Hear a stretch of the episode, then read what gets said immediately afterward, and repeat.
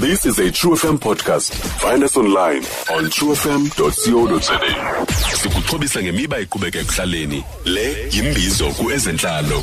ngalo mzuzu ke singena phaa kwimbizo eh khumbulo ke ngale mini namhlanje we are joined by eh, uthoko budaza yena ke not only Uh, is she a rape activist but also a rape survivor? Miss Butaza masithathe elithuba sikwamkele kwinkqubo ezentlalo on True FM. Sibulele kakhulu nangexesha othe wasiphalona ngale mina namhlanje. Ndiyabulela kakhulu sisibabalo andibulisa nabaphulaphuli.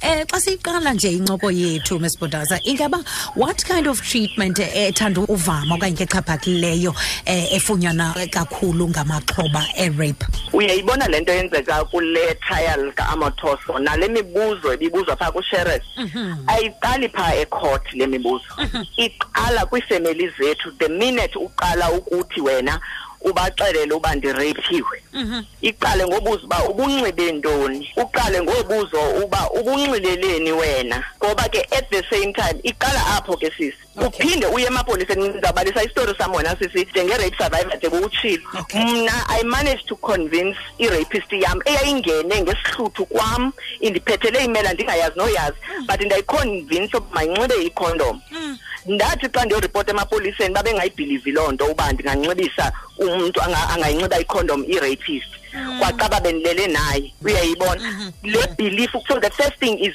are we believed kube worse nditsho umzali wakho umama wakho okuzalayo angabhilivi especially xa ingubhuti wakhe i-family member hayi ke kuye kucaba kunzima apha Mm. so iqala apho and ubuzwa imibuzo emininzi and ejonge kuwe engajonganga phaa kulo mntu ugreyiphileyo yeah all right and also msbhatayiza perhaps eh, ingabi indlela kule nto uyithethayo eh, eh amaxhoba athaphathwe ngalo xa eyoripota nawe kule nto uyimenshinayo into yoba they didn't believe you amapolisa when you went to report into yoba uh, eh, the very same man uh, who stood to rape you you were able to convince into yoba abe kanti unxiba ikhondom ukwenzele uzube kanti uyakhuseleka ukuba umhlawumbi akube the reason why kunzima into yoba thina ezamanina sibe kanti siyaziripota ii-cases kungenxa yaloo nto perhaps injalo sisi and kunzima uripota and if you look in south africa there are a lot of cases ezingaripotwayo ne but uphinde enye umnqantsa is that even sesiripotile ii-convictions are very low the reason ke ii-convictions i-very low mna ngokoyijonga kwam ndijonge nalaa ndlela le case kaomoto sihamba ngayo mhm, uyaqonda mhm.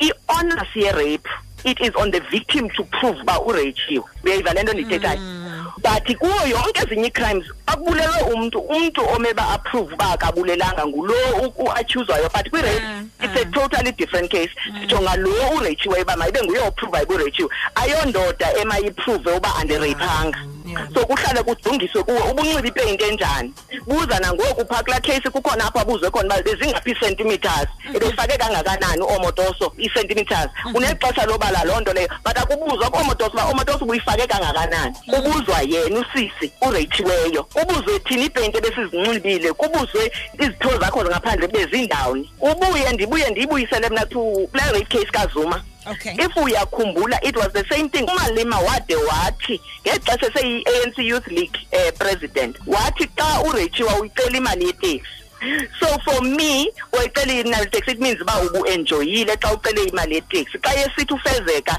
wareyithwa then wacela imali yeteksi kuzuma hmm. now into eyenzekayo ke sisi e, endiye ndiyijonge zidathi emaxhobeni zidathi um eh, uba nendlela abantu abacinga uba xa ureyithiwe kufuneka ubehave ngayo kunendlela i-community ene-set boxes like masijongena phaa kusherel ngoyocula kwakhe ecaweni kucaba ayikho rayithi loo nto leyo akareyithwanga ngoba uye wabuyela ecaweni wakhe wayocula phaa mm, mm. ithetha loo nto uba akareyithwanga so how do you define i-rape survivor xa ureyithiwe mawenze njani and uh, i guess miss bodaza samane sibuyela kule case yakho cheryl zondi looking at mm. indlela usheryl zondi eh abuzwa ngayo pha kwi-trial kaomotoso ingaba as a rape survivor wena and also as a rape activist uyibona njani na and also perhaps umntu obukeleyo pha ekhaya owayedlwenguluye naye ongekazi azichaze phambili into yoba eh, would you say after ibukele le trial angaba naso perhaps isibindi sokuzichaza eh ukuba naye umhlambi wakhe wadlwengulwa uyabona ke sisi le trial ne inemithelelo emibini kum as a rape survivor mhm. okokuqala iyandomeleza andizuyisusa loo phathi iyandomeleza nendlela usherele waziphatha ngayo xa ebuzwa laa mibuzo but at the same time iyandoyikisa bendingeke mna mm. bendingeke mna andifuni uxoka ngam ndiyi-activist ndisishoshovu zindeyana mm. because irape sisi it is a power issue it yeah. is a traumatizing issue it is a killing issue it kills your self esteem ayikho into engayenziyo mm-hmm. apha ebomini bakho abantu banento yokucinga uba irape ukufa ibe iphelile loo nto leyo mm-hmm. aa ah, ah, mm-hmm. it is a traumatic experience so mna as a rape survivor uba ndingabuzwa kanjani ndibuze uba ndandiyibambe kanjani so ndibuze uba mm-hmm. ndandimunce kanjani ndibuze uba kwakutheni andinokwazi ngolaa hlobo ibuhlungu ibuhlungu ibuhlungu Mm. xa siyivala um eh, msbodazo mhlawumbi um yintoni oyirhalelayo okanye koyinqwenela ukuyibona isenzeka in terms of protecting the rape survivors um kunye namalungelo abo uyabona ke sisi kukhona into into ezimbini endiye ndazithatha kule case kaomotos mhm. andikho sure uba ukuvela kwe-tv ngola hlobo it is right mhm. nangona iye yasomeleza nangona iye yacreata i-awareness yes but ndifilishe uba mna i would love iprivacy xa ndizawuthetha ngolaa hlobo at least i would feel uba ndiprotected ngoku singayijonga nento kasherel uba andikho sure ubusafe sherel andikho sure mhm. given uba buzibonile uyaqon mm. eh, and given uba bubabonile kukho abantu abamenoomoto so aba even amanina mhm. abathi ngutata wabo ngupapa wabo ngudedi wabo mm. asiyazi uba bangamenza nosherel ubuso bakhe buvelile mhm. nabantwana ke bazawuza balandele emva kwakhe so andikho sho mna i would love uba kube khona some sort of privacy when it comes to ezo nto zinjalo but ekugqibeleni ndizawuphinde ndithi iloya sasouth africa must change ubukhona iminister ibithe yayiphatha last week le nto ingekenzeki nale case ingekaqali le case isithi the honors ye-rape must be proven like all other crimes it is the the, the perpetrator who must prove uba kayenzanga into mayingabikho kuthi as survivors